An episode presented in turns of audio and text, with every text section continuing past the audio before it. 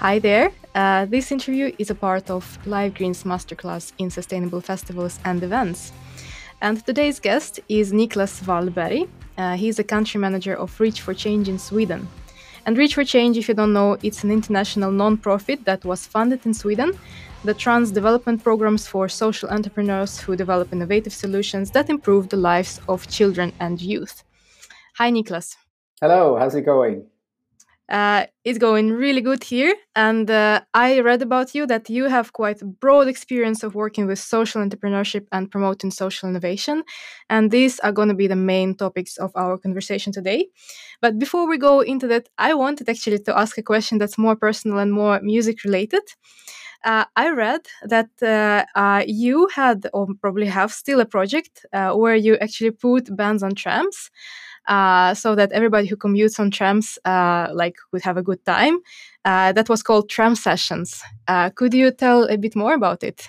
Yeah, no, it's um, um, a few years back. I lived in Australia, um, and Melbourne, the city of Melbourne, has two things um, that's really you know, big for Melbourne. The one thing, one thing is trams, and the other thing is culture, and especially live music.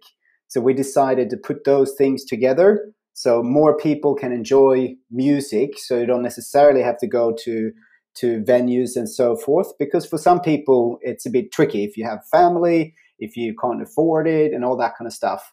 Um, and at the same time we want to we wanted to highlight the importance of public transport. So uh, sustainable transport not taking the car which is very um, common in australia and give you know public transport a bit of oomph. Uh, when you think about public transport, you want to you know want to think about joy and, and um, you know fun things, how good it is instead of mm. late trams or you know smelly or whatever things that you can have as a connotation to public transport. Um, and for me, I could have like front row seats with the biggest artists in Australia and some really massive um, international artists as well. So it was a it was a win win for all.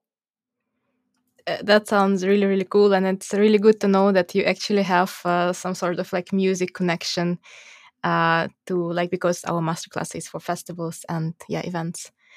Um, really really cool. Uh, how are you doing it still or like uh, what, yeah so, so I, I, started tram sessions back in the day. It was um, was quite a few years ago now and it's been running with other people um, um, yeah, just other people running it. So I've just been on an advisory board, you can say. Um, and um, yeah, so it's still it's still happening in, in Melbourne. You can go into YouTube and search for tram sessions, and you will find it. And if you Google it, you will find different TV, radio, print uh, articles about it, and a few documentaries uh, and stuff as well. Because I think what I thought was really cool at the end of the day was that when new bands came through, um, and even bigger ones, and they want to do a promotional tour. You know, they did TV, print, radio, and in Melbourne, in Australia, you added tram sessions to that. That's how um, well known it was at, at the end. Um, and um, yeah, mm. just it was just the best of fun to be on that tram and see surprise commuters. Um, you know, seeing the biggest artist just next to them. They were shocked. Mm. Would you say it's a social innovation? Um, maybe not. Um, I mean, it's it's a some sort of innovation. Uh, um, if you would um, calculate uh, and look at the social impact, it wouldn't be massive necessarily. Um, but I think um, I think it's an innovation in how how you watch and how you produce music and how you get uh, music to another venue to the to the mm. uncommon surprised areas where you don't necessarily have music. So, you know, taking a, a, concept of a concert and putting in a different spot is not necessarily an innovation in itself, but it's just combining a few things. So, um, it was it was great fun to try it. I think the business model was more of the innovation there. So.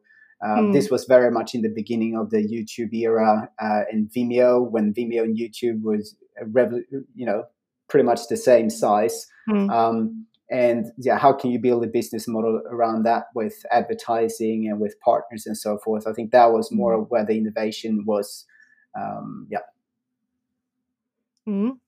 Well, this is what we are going to learn more about social innovation the, by the end of this interview, I hope. And uh, let's kick uh, kick it off. Let's start it. And uh, I'm really curious to hear more about you, Nicklas. Uh, what are you doing? What's your specialization? And what's your role in Reach for Change? So, I mean, just uh, is a brief overview of Reach for Change. You said something in the beginning, but I think for for many people, just to break it down a little bit, is that we know that there's millions, millions of children and young people who um, who has a really rough time um, in dire need. But we also know that there there's people and organizations that are actively working to uh, to help these kids and, and, and young people. Uh, but a lot of the time, they don't have the resources, knowledge, or capacity to to help many, and that's where mm. Reach for Change comes in. So uh, we give uh, a bit of seed money in cer- certain um, countries, but we also connect them to networks and give them a, a, stamp of approval. So organizations that's quite small from the beginning uh, can feel that they have someone backing them, so they can feel more. Um, uh, in tune and uh, have that confidence to go into bigger companies or if it's uh, you know government or whatever and say hey we have a solution to this massive problem, back us or support us or work with us, and then we can make a bigger um, difference in the world. Um, mm. So that that's reach for change. Reach for change in a nutshell. Um, and my my task is to run the Swedish operations. So mm. with me, I have uh, people who's um, working with the capacity building support programs. Um, I have people in communications and and and also um, people working with public relations and so forth to lift the area a bit. So um, yeah, I'm responsible for the for the Swedish operations, working a lot with partners. Mm. Mm. And how would you define social innovation? Um, I think if you if you um, only talk about innovation, a lot of the times um, many people think about uh, technical or, or, tech solutions. That's innovation. That's innovative. Um, when you add the social component, it's more about um, what is the positive outcome of that uh, socially. So if um, if we see that a lot of people, um, as an example, integration. So if we see that it's a problem that newly arrived migrants in Sweden don't uh, meet um, established Swedish people, um, how can you how can you solve that issue? well, you, you can use a technical platform or you can use um, start a project that, that will combine these two, two groups. Mm. Um, and that is the social innovation. So it's not necessarily about the, the tech platform, it's more about uh, the way of combining um, um or, or, finding a solution to, to a challenge. Mm.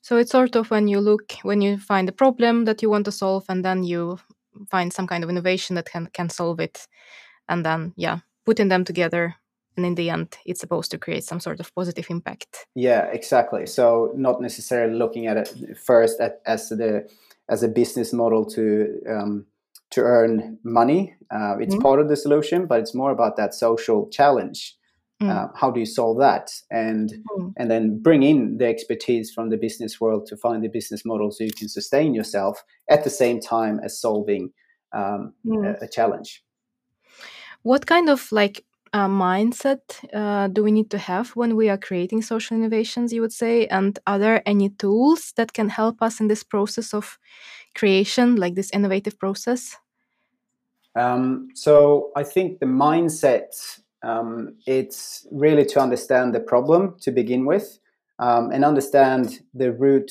cause of the problem. So, um, not just trying to, to solve some symptoms up there. Um, so, really understand the problem because when you have the root cause, the root, um, and you hmm. can um, solve that, that's when you can also have a, a, massive positive uh, effect. Um, so really understanding the problem, that's the one thing. Um, and then I think that entrepreneurial mindset is important to, to be able to try and test things. Um, and in small scale, you don't have to build something big to begin with, but just test it. Because a lot of the times you, you have something that looks good on paper, but you don't actually know if it will work or not. And when it comes to social innovations, uh, it's important to both test uh, well, is my innovation is that one solving the problem for the beneficiaries, for the people that I want to help? Mm. That's one. But also to test the business model early on to see mm. how is this going to sustain itself money wise. Um, mm. So don't forget that. So it's it's a combined thing. Um, and I also think a mindset of looking at what what has other people done before because most mm. of the time your idea isn't unique. Somewhere in the mm. world it has happened, and somewhere it, it, works, and somewhere it doesn't. And what can you learn from that, and so forth. So um, those those three things I think are vital. Mm. And to put it in the context right now, uh, we are doing now a masterclass for festivals and events. So I'm wondering, like, if you have any advice for um, our people, our branch, our industry, uh, how can we actually attract uh, such social innovators? How we can collaborate them and support them? What's our role in this social uh, in the social innovation domain? I think I think culture has a really important place um, in building community um, and uh, building role models and uh, giving energy and creativity. So feeling that you can try and test and do things, nothing is impossible. And I think I think a platform as festivals can help with that because you meet like-minded people and you get that support. Um, mm. So I think that that that is a really big one, and it's sometimes you know it doesn't feel like it's as tangible as in uh, you need this Excel template to build your budget. It, sometimes it, that feels like it's a better uh, support, but I think that the the community and um, uh, the support that you can get from from friends and, and peers is super important. So I think role models, building role models, building a community, um, and then um, being um, being open to share your ideas and being mm. open to give feedback and and you know give lovable feedback to um, to each other's ideas and so forth. And with that also means that you know challenge them a bit, but do it in a in a curious way. So those mm. those three things, I think, festivals as a platform can be really good at. Mm, right. So exactly like as festivals use uh, are collaborating with companies and uh, un- other entrepreneurs, they can also involve social entrepreneurs, but also with the thought that maybe these are the people that maybe actually need more support and more encouragement and like really a platform to test their ideas. Yeah, I, I think. I mean, I think that could work. I don't know exactly your concepts and and, and so forth, but I think as a whole, you know, as, a broad concept, the festival, you bring a lot of people together because mm. they like what you offer at the festival. So if you can tie in the right people who likes those things, and then see if you can uh, find a common, um, you know, challenge that you want to solve, or whatever it might be, or you find hmm. connections between partners or innovators or yourselves. Um, I think you already have that common common thing because people have hmm. come there um, right. Yeah. So I think that's a strength. Do you think that festivals and events can themselves be social innovators? Yeah, for sure. I mean, I think um, as as you've been in the forefront um, with as well uh, in terms of creating sustainable and even possibly, hopefully, climate positive events in the future. Um, I mean, that's making sure that you can actually do it. It's mm. not impossible um, and finding the partners who's willing to be on that journey uh, and helping them to to create and, and work towards the same um, uh, to the same goal. I think that's really important. Um, and then I also think that the you know if you're looking at festivals from back in the day to 90s to now, they've all had very different concepts on mm-hmm. what's been the core if you look at the festivals from the 60s or 70s peace and love and all that kind of stuff like it was a different different thing and then in mm. the 90s it was very much like a come and see come and see this band and as many people as possible and it was very much business like um, mm. and now i think it's coming back a little bit more into the meeting spot area and how you can use it as a as a as a force for for good in many ways um, so i mm. think that it's a generational thing as well mm. right um, I would love to go a little bit more in depth into the budget economic questions. You already touched uh, a little bit upon it. Uh, how can we actually make uh, social innovations financially sustainable? Uh, because it's it's a big question, and especially in festival and event branch, and among like all the startups, it's um, yeah, it's not the most profitable profitable uh, from the start. So, do you have any tips of how we should think, festivals should think, and social innovators should, think? Um, like I'm, I'm, a bit hesitant as I, I don't know too much about the like it was a while ago I was in more in the in this scene so I don't want to go and say this is how you should do it because I'm not the right person to uh, to answer that but what I can say um, if you look more of a general uh, point of view um, is to to really look at your business model and sit and work with it maybe with other people so not just you. Um, uh, see if you can find the people who can support you because a lot of the times what you have is that love for culture. Um, you know people want to hang around with you because you have something to offer. So if you if you can tell a compelling story of what you're trying to do i'm pretty sure that people with the expertise of business or budgeting or whatever it might be they want to help you um, and i think that's that's really important so you're not not shying away from asking the tough questions or getting someone else to ask the tough, tough questions to you. Um, because at the end of the day, you want to, long term, you want to build something sustainable. So you can do one or two years of testing and trying, and there's no, um, you know, there's no shame in um, doing it for free or testing it out and not making much money or whatever. But if you want to build something sustainable, uh, you you from an early um, early start you, you need to think about uh, what's the opportunity here? What are the kind of partners who would be willing to pay for this? Um, who are the paying customers? Is it you know is the festival goers? What is the ticket price for them? What's possible for them to pay? Ask them so what what can you pay for this kind of offering? Um, go to the partners and ask them. So w- what what are you interested in when it comes to this festival? What gets you going and how much are you um, you know able to pay and what do you want to receive? So really test your idea and talk to them. Don't be afraid of talking to partners early on. Um, mm. i see a lot of the times that you um, it's easy to wait too long um, and ask the partners and, and you have it because it's a bit scary you know so you wait too long and then at the end of the day you build a business model but it doesn't work because you haven't properly asked the end buyer if they're happy mm. to pay um, what what you need in order to to run your business. Mm. One another quite difficult question when it comes to social innovation, at least I find it difficult, is actually measuring the impact that social innovations create. Um, like, how can we at all measure our social impact?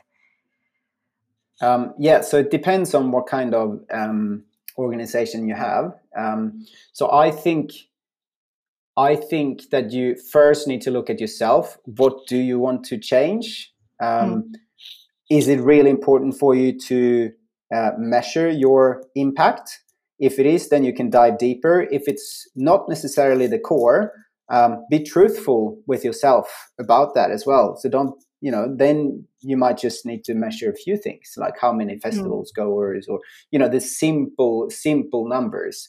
But if you want to dig deeper, um, you can actually um, on reachforchange.org um, at the very top right corner there, there's a toolkit or toolkits, mm. and, and there you have tools where you can step by step look at how you first define the problem that you want to solve, and then how you can put in um, uh, indicators and what kind of activities that you are that you you will do that you will run and then measure what what are the outcomes of those activities so mm. there are ways of doing it it takes a bit of time to work it out um, mm-hmm. but um, you just have to get going but I, I, think mm. just start small and don't feel too afraid of it because i think that's the most important thing because a lot of the times you again it's scary sometimes you know doing things that you're not necessarily um, know too much about and then you end up not doing it and then you feel bad about it but instead just see if you can find a few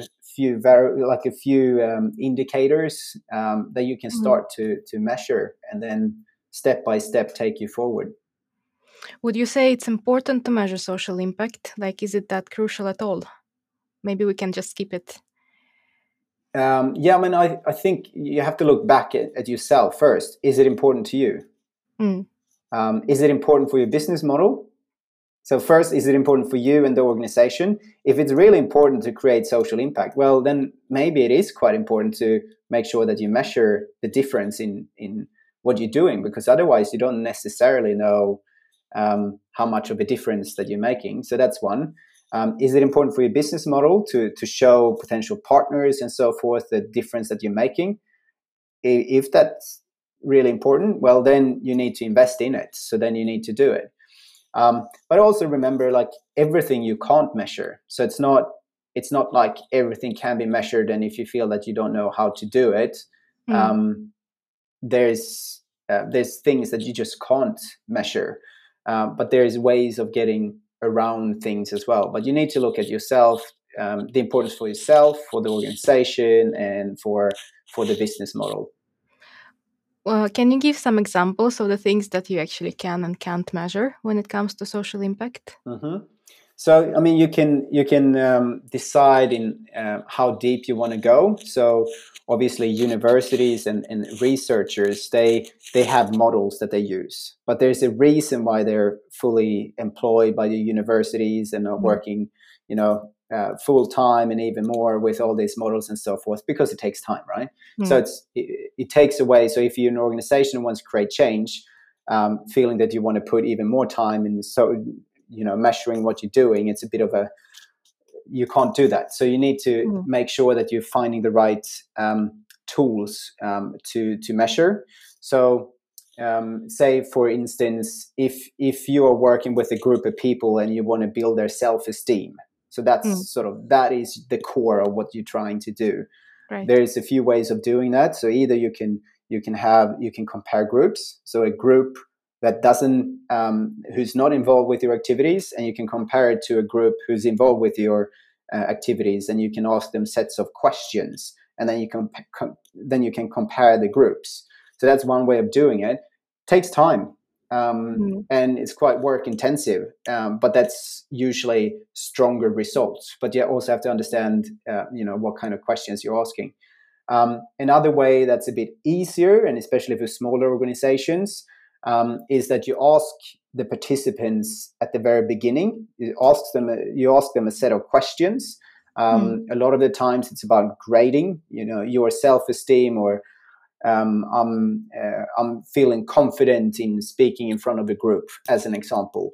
So if you ask them to um, fill out that question in the beginning, and then you ask them again at the end, then mm. you can see if there is a change.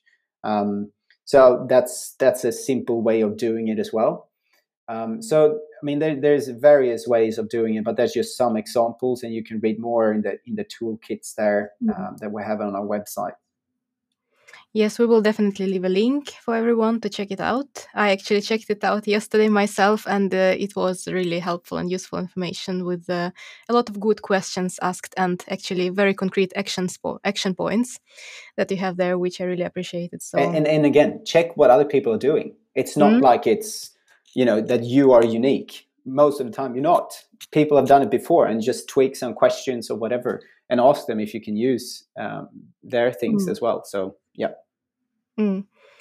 Um, here is a beginner question. So, just to summarize all we have talked about now. So, uh, think let's say that i'm a festival organizer that runs uh, middle-sized festival and i'm doing some social programs here and there. You know i try to engage myself in lgbt community questions. I try to promote uh, to empower women and so on and so forth. And i'm completely new to the concept of social innovation but i want to start uh, measuring my impact. Like what are the some of the first steps you would actually recommend to look at? Like, yeah. how would you start this journey? Yeah. So we have um, one tool that we have on the website is called the problem problem tree, um, and that's to really understand what what really is the problem that you're trying to solve. Because sometimes you um, you haven't understood like the the root cause. I know that I'm using a bit of terminology here, but it's the underlying uh, challenge that that's uh, that's there. Sometimes it's just like oh these people are feeling left out. But why are they feeling left out?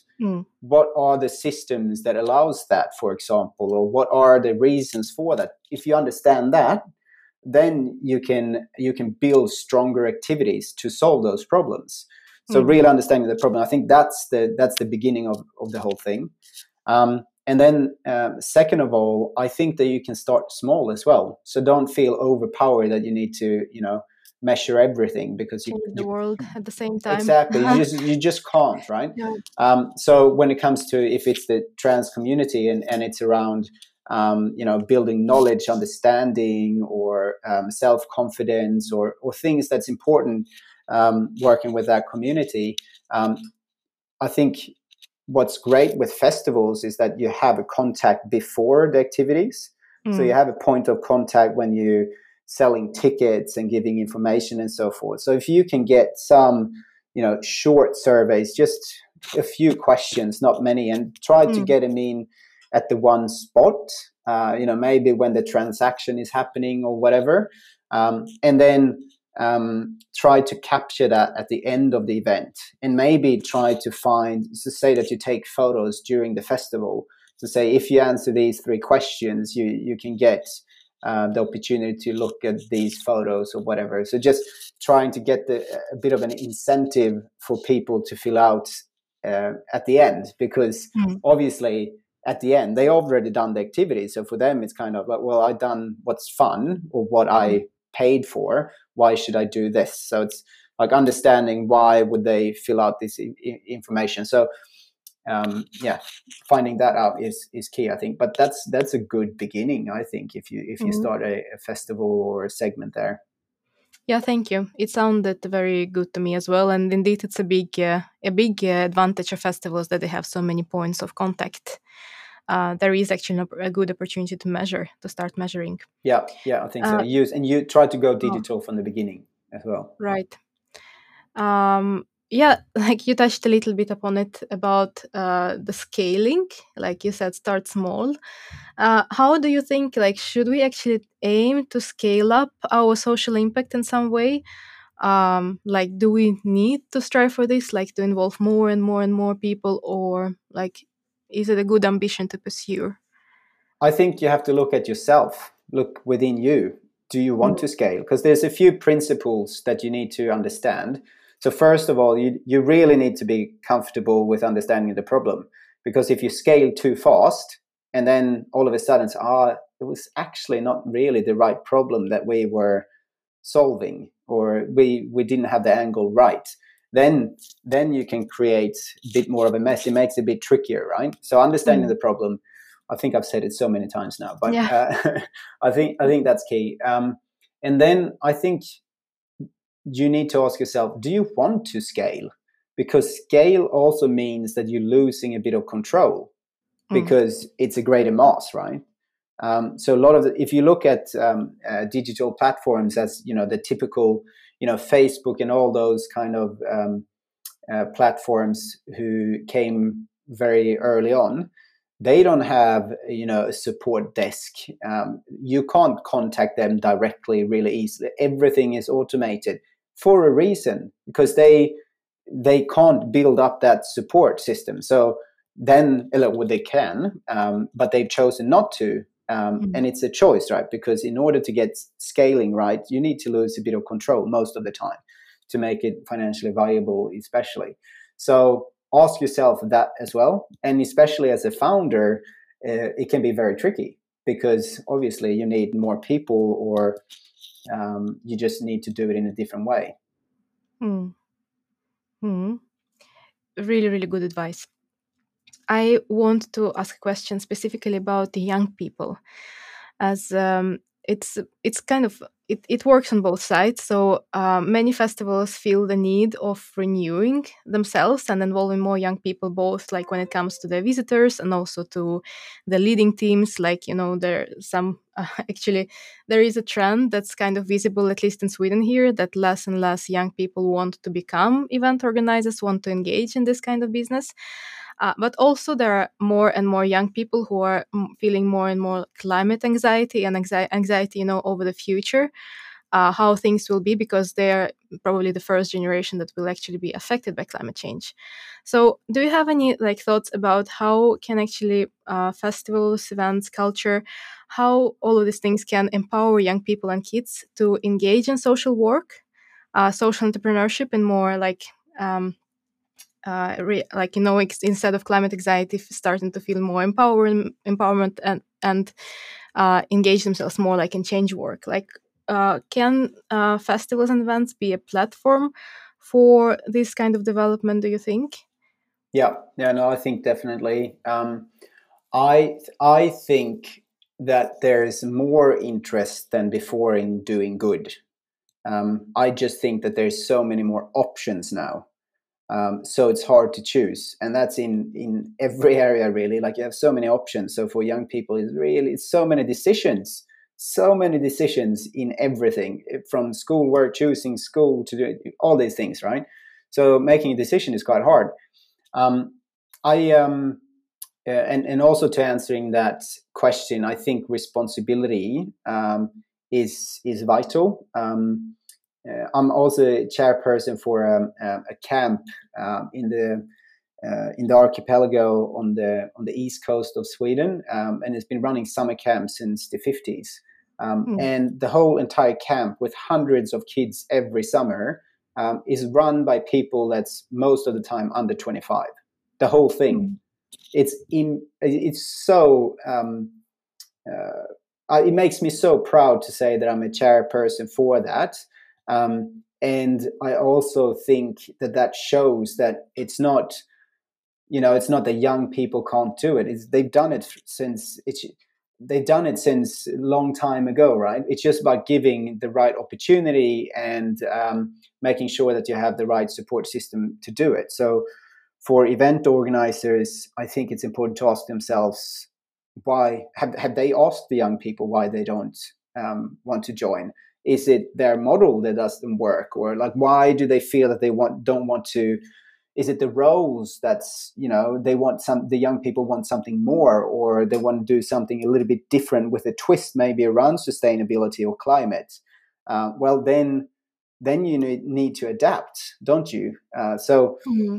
um, asking the young people i think i think is key there. But i also think that if you give more responsibility um, uh, some people will really fly, eh, combined with the right support, obviously. But yeah, mm, right. And if, uh, let's say, if a festival wants to write some, uh, to run some kind of social project or create some kind of social innovation for young people, uh, what do you think uh, they can focus on? Like you have such a broad experience, and like I, I, I bet you know about so many initiatives that work with young people and kids in some way. So, what are the like trending problems or issues that also festivals can join in and tackle?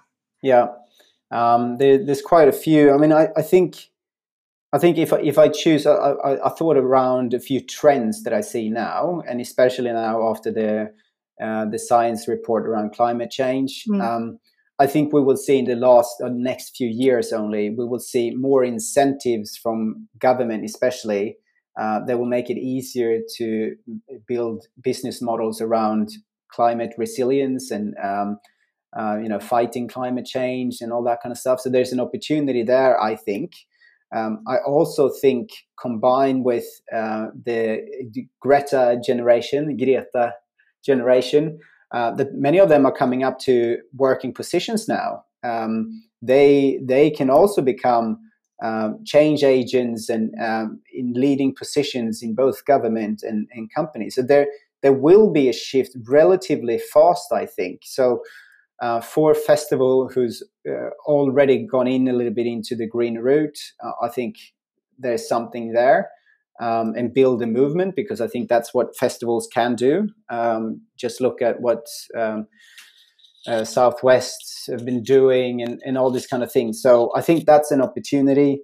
Um, and I also think the third the third bit is around finding right corporate partners mm. and trying to find them in the right time. So companies is not necessarily know exactly how they're going to be part of solving the climate challenge, uh, mm. but who's on the tipping point.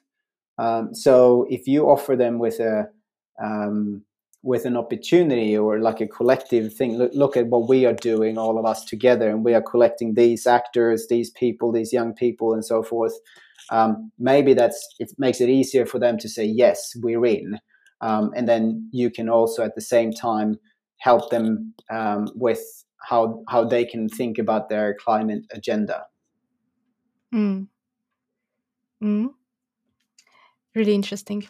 Uh, one last question, probably, which is a big one and difficult one. So um, I don't expect that you will solve all this world's problem at thank once. You, thank you.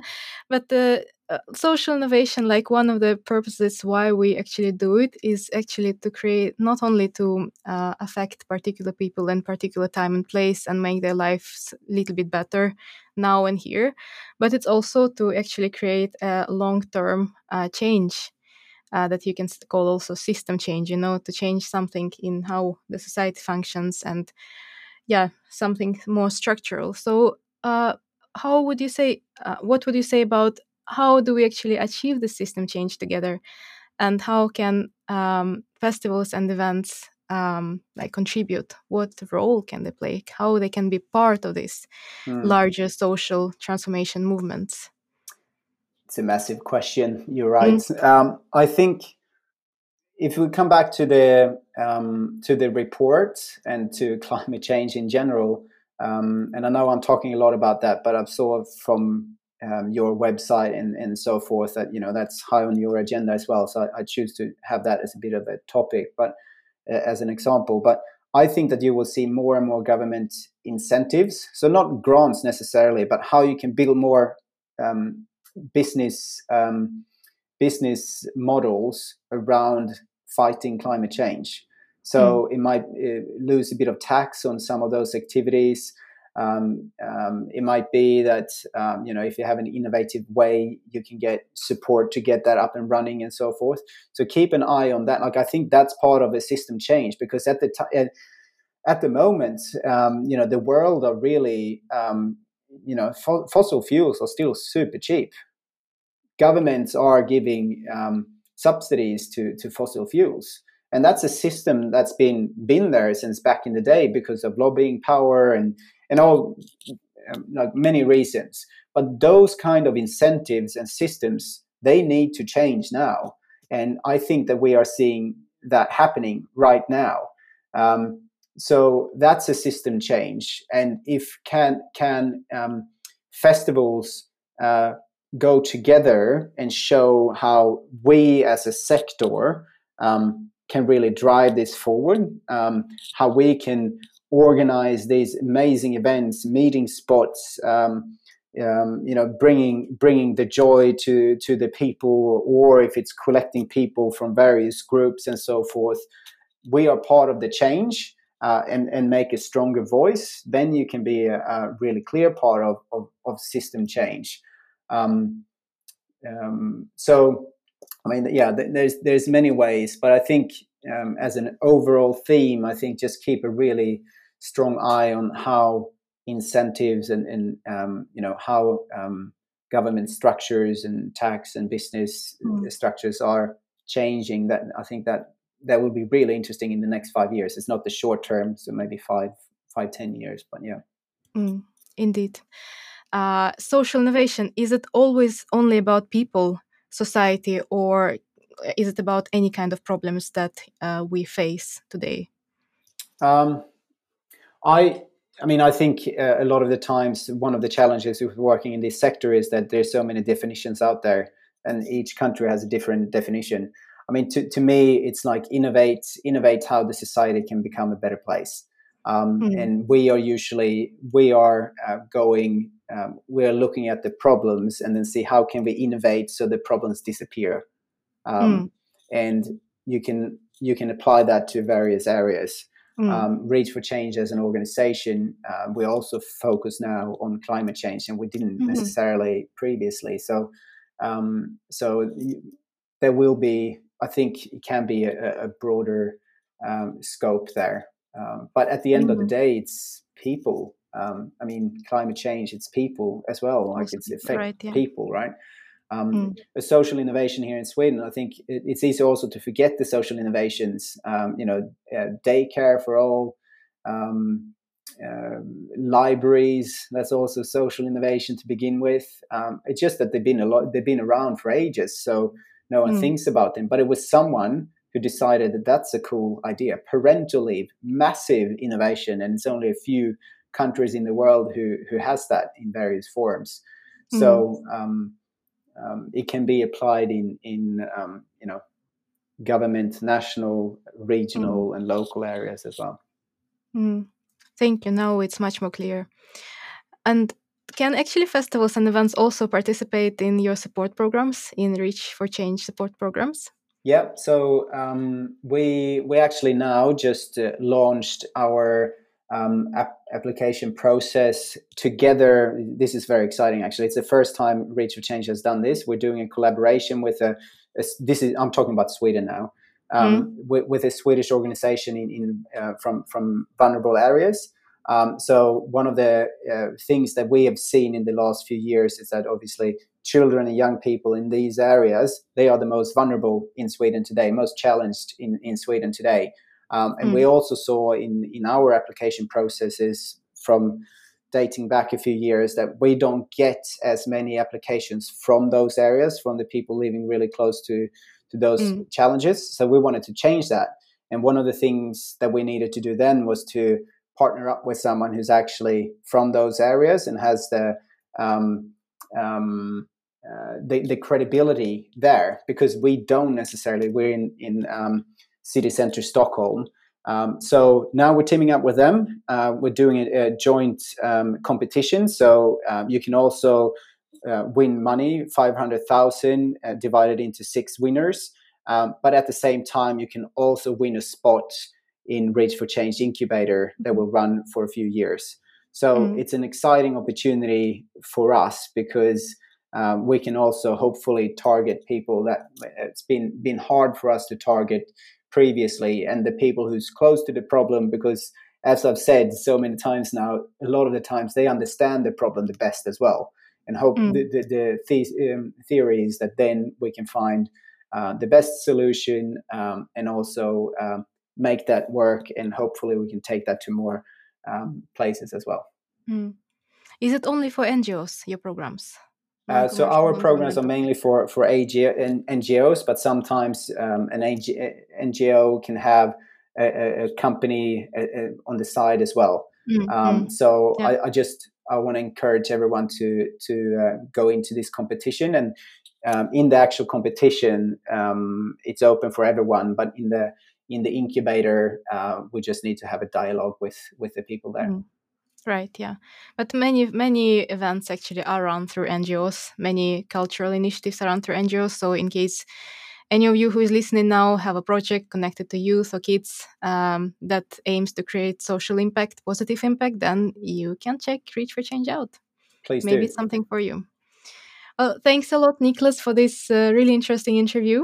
Uh, I hope that it brought uh, much more clarity for our listeners and uh, those who view us now uh, through video uh, about how you can actually create social impact, how you can measure it, and what is the social innovation in the end. And uh, yeah, once again, go check out supplementary materials and good luck with all the innovative work. Thanks a lot, Nicklas. Thank you. And um, hopefully, you've enjoyed my basement as well. You can see the backgrounds here of kids and wife and maps and everything. Um, and go and, and have fun with what you are trying to achieve and do because a lot of times from joy that that's where the beauty comes in. Thank you